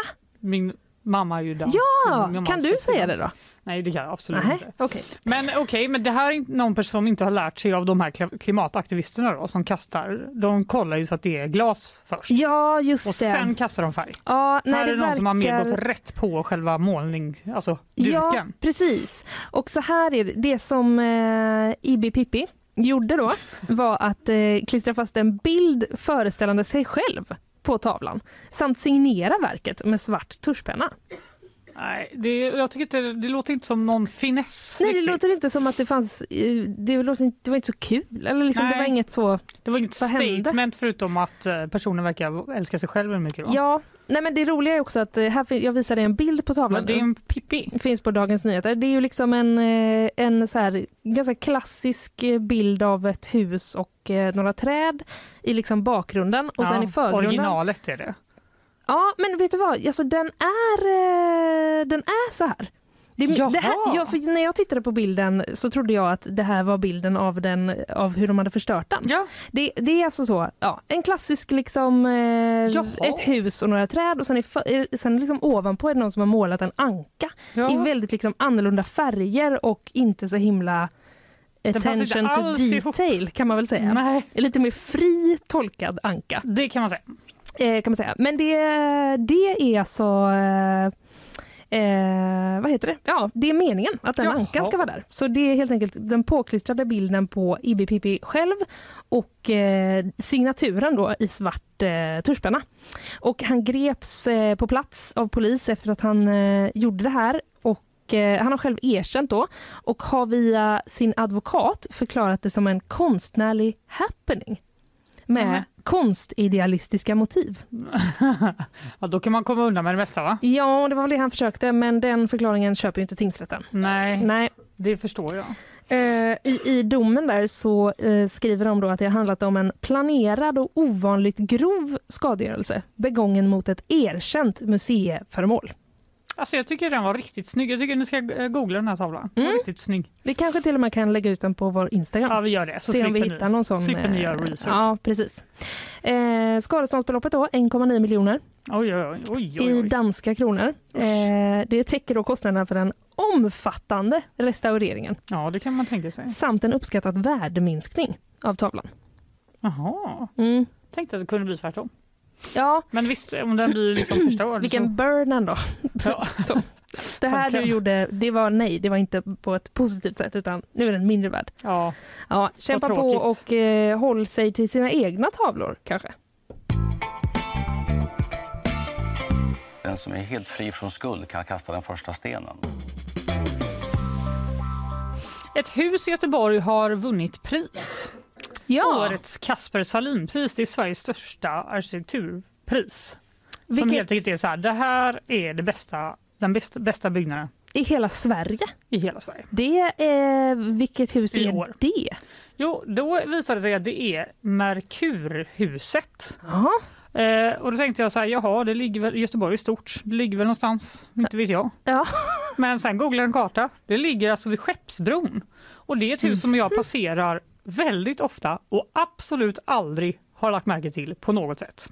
Nej, för eh, nu ser jag en bild på det. Jag kan ju inte svara på var det här ligger någonstans. Men det ligger eh, om du går liksom vid Är det typ- Esperantoplatsen så Är det ska typ du vid gå... Rosalundsverket? Ja, precis. Jaha! Liksom längre ner åt vänster där om Mm. du ska gå mot eh, Mm. Stenplaren. Vilket bra radio det är nu Ja. känner jag. Men det är bara att jag ger dig en vägbeskrivning. Ja, Men, eh, men in på gp.se och se bilden också. Ja, kan där kan ni, vi kan lägga upp den bilden Mm. när vi ändå håller på. Eh, de har i alla fall eh, fått pris då för att eh, det är så himla fint det här huset. Jag vet inte vad du tycker. Tycker det var ganska fult faktiskt. Jag jag tycker, ska vara helt ärlig. eh, ja, jag skulle inte säga att det liksom eh, kittlar min eh, kreativa ådra. Nej, och det som är roligt när jag tagit del av den här rapporteringen är hur de pratar om eh, arkitektur. Det, det tycker jag var ganska roande. Till Ja. exempel skriver juryn att det här Merkurhuset har egensinniga gavlar eh, och takkupor med många tolkningsbottnar i sin eh, vinnarmotivering. Jag vet inte riktigt. Eh, Vad, vad känner du för det? Tycker du att det är egensinniga gavlar på det här huset? Alltså lite typ, för att det är, det är hörnfönster ser jag att det är på en av gavlarna. Ja. Det får man väl ändå kalla lite ovanligt. Men just det, Emelie skriver här också, producent Emelie, att det är väl inte finaste utan bästa. Ja, det är bästa. Ja, då kan det Eh. finnas andra liksom eh, eh, värden man väger in. Vad var det de sa om taket sa du? Eh, takkupor med många tolkningsbottnar. Aha. Det känns som att man skulle se det typ uppifrån kanske för att kunna... Ja, jag vet inte hur man kan ha en tolkningsbotten i takkupa, men absolut. Eh, det här, eh, den här personen då som har ritat det, som eh, heter Per Bornstein. Han är en av arkitekterna som har Mm. skapat det här. Och han säger då till SVT att huset är brutalt men mänskligt och snällt samtidigt. Eh, och att han säger att det är poesi att någon säger eh, liksom, ja, i juryn säger någonting så fint om det som han har skapat. Till exempel att det är en märkvärdig gestalt som vilar vackert i arkitekturhistorien men samtidigt är sin egen. Och eh, det handlar väl lite om att det finns en stor debatt om de som tycker att det är fult med allt som är nytt. Just det. Man vill ha klassisk arkitektur. Mm. Och den här byggnaden verkar då ha liksom fått i alla fall några av dem med sig. Trots att den är då modern. Ja, det får man ju ändå säga om det är så att den här moderna byggnaden kan ha liksom vält, vänt över några traditionalister. Mm. Det är väl ändå det är väl en stor polarisering som vi har Ja, det är det idag i samhället.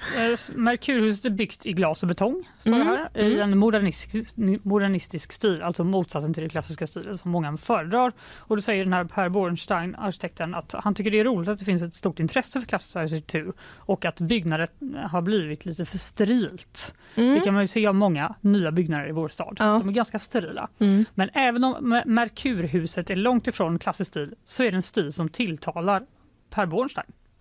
Som ju har varit med och ritat huset. Ja. Det är inte en klassisk byggnad, men det leker lite med klassicismen. Det leker med symmetrier, former och vertikala element. Mm. Ja, jag vet inte. Ja, det är väl kul att vi fick ett pris. Det var väl jättekul. Vi får, eh, man kanske ska ta och titta, försöka titta på det här huset i, eh, i verkligheten. Ja, jag har ju gått förbi känna de det här- som sagt. Ja, du har gjort Kanske 20-30 gånger. Jag har bara tänkt, ja det är väl ett kontorshus som alla andra. Jag Men jag är ju får, inte eh, kl- skolad i detta heller. Nej, det är vi få som är. Ja, faktiskt. sannolikt. Det handlar om integritet och cred för fan alltså. Det finns vissa regler och restriktioner här va. Det är inte mer med det. Nu ska det handla om badhus. Ja, mm, i, hus eh, som hus tänkte jag säga. Ja precis, ett annat eh, hus. Eh, på SVT är jag och eh, läsare SVT Norrbotten. Kostnaden för skandalbadhuset i Kiruna kan bli upp till 30 miljoner. Varje år. Va?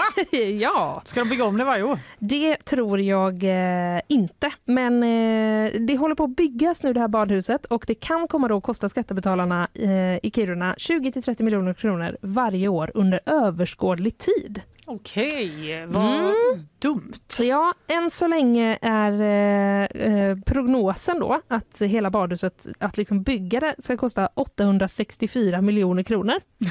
Det är så mycket pengar Det eller? är som det här eh, parkeringshuset bakom det här Merkurhuset. Ja, precis. En Parkeringshus eller badhus. det. Ja. ja, i alla fall. ehm, Eh, det, ska de, eh, det ska de då göra. Det är, ja, det är mycket siffror eh, här, så jag försöker reda ut det samtidigt som jag eh, läser. Mm. Men ja, precis. Det verkar som att eh, så här, beräkningarna bygger på att Kiruna kommun måste låna 314 miljoner för investeringen. Aha. Och eh, det ger då en årlig räntekostnad. Eh, Även de har inom- drabbats ja, precis. av de dåliga tiderna. Ja, på 9,9 miljoner kronor samt en amorteringskostnad på 6,3 miljoner över 50 år. Oj, Oj oj. Alltså, man, blir lite, man får lite svårt att andas. De vill verkligen bada. Ibland kan jag tycka att så här, köpa en ny mobiltelefon är en stor investering. Mm. Sånt här kan man inte hålla på med då. Det Nej. blir ju alldeles för... eh, Bygg inget badhus Linnea, du För har inte råd med det. Nej, vi kan väl eh, konstatera att eh, ja, SVT kallar det ju också för skandalbadhuset. Ja. Så det har nog varit en långkörare där uppe i Kiruna. Ja. Men mysigt om de har liksom glastak. Då skulle de kunna ha en sån nattsimning när man tittar på norrsken och badar. Det kanske är det som är så det är dyrt. räddningen kanske. Jaha, du Att de tar så. betalt för det. Ja, Jag vet inte. Ja. Eh, så var det med det i alla fall. Bra idé. Det går jättebra, men väldigt svettigt. Svettigt? Ja, masken är så himla tät. Så det är så himla varmt. Är det roligt då? Ja, skitkul. Igår pratade ni ju om Oscarsgalan eh, med Caroline Wilhenheim. Mm. Och nu har det kommit lite kritik mot Hugh Grant. Ja, det var ju det som jag hoppades att vi skulle hinna med och det Ja, gjorde vi. Då läser jag rubriken i Aftonbladet som är så här. Kritiken mot Hugh Grant efter Oscarsgalan, oförskämd och avvisande. Spekul- spekulationen, misstog litteraturreferens för efterfest. och då kände jag, det här vill man väl läsa mer Det om. finns jättemycket frågor har jag. Ja, exakt. Eh, det var nämligen då, ehm, eh, jag vet inte, en modell och, jag känner till henne faktiskt, men en modell som heter Ashley Graham. Mhm. Hon var på Oscars och skulle intervjua olika stjärnor då för kanalen ABC. Mm. Och då så fick hon tag i Hugh Grant där och bara hallå du. Och så frågade hon hur känns det att vara här? Och då svarade han ja, det är fascinerande. Hela mänskligheten är här. Det är Vanity Fair, svarar han. Jag vet inte. Ashley Graham antar då att skådespelaren syftar till magasinet Vanity Fair Ja. som är kända för att anordna efterfesten Mhm. på Oscars. Men nu har det börjat spekuleras kring vad han egentligen menar. Flera tror nämligen att han syftar på en referens till en gammal brittisk, till gammal brittisk litteratur i romanen det är väldigt lång, långt... Eh, Titel? Ja, nej, det var bara väldigt lång eh, hur de har kommit fram till det här. Men I Ja. romanen Kristens resa från 1800-talet så används uttrycket för att beskriva det meningslösa i att jaga pengar och rikedom. Och 1847 utkom boken med titeln Vanity Fair. Så då menar de så här, fan han håller bara på att dissa alla som är Ja, här. ja, det var en burn och inte något eh, Det är inte sånt. bara det var en efterfest utan Ja. det var en lång, lång, lång referens till en bok från 1800-talet. Ja. Eh, I intervjun fortsätter då och Ashley försöker få fram vilken film som Hugh Grant mest ser fram emot att eh, liksom ska vinna. Säger han, ingen speciell. Mm, Okej. Nej, då försöker hon få igång snacket igen. Mm. Men vad har du på dig då? det är verkligen djuplodande journalistik Ja. Bara min kostym. Svarar Hugh Grant. Jobbigt, Hugh Grant. Ja, och sen kommer då det sista försöket Mm. till för att få honom att prata. Och det är att hon ska hylla då filmen Glass Onion där han var med. Är han med där? Ja, det är väl det som är grejen då. Jag var knappt med, säger Hugh Grant. Jag syntes i typ tre sekunder. Och då väljer den här Ashley Graham att runda av. Ja. Känner typ, det här går ju inte. Nej, för så himla jobbigt. Mm, men det, han har inte kommenterat det här själv, men nu sprids det här då på sociala medier och där hon hyllas. Alla bara, fan Mm. hon, försö- hon krigar ändå på Mm, Ashley. mm. Hugh Grant tycker de är liksom en, en idiot, Mm. rent ut sagt. Eh, hon promotade honom och hans jobb, men han då var bara av, oförskämd och avvisande. Mm.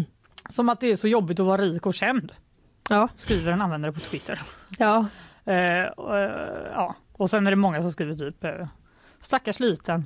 Typ. Han tror att eh, ja, den här referensen handlar om magasinet. Jag vet inte. Det verkar vara lite olika teams här. ja, just det. Det är fortfarande oklart alltså då vad han eh, jag har fan inte kommenterat det. Nej, Ingen det han vet inte vad han menar. Nej. Men jag kan känna typ lite så här. Han måste ju inte gå på röda mattan då.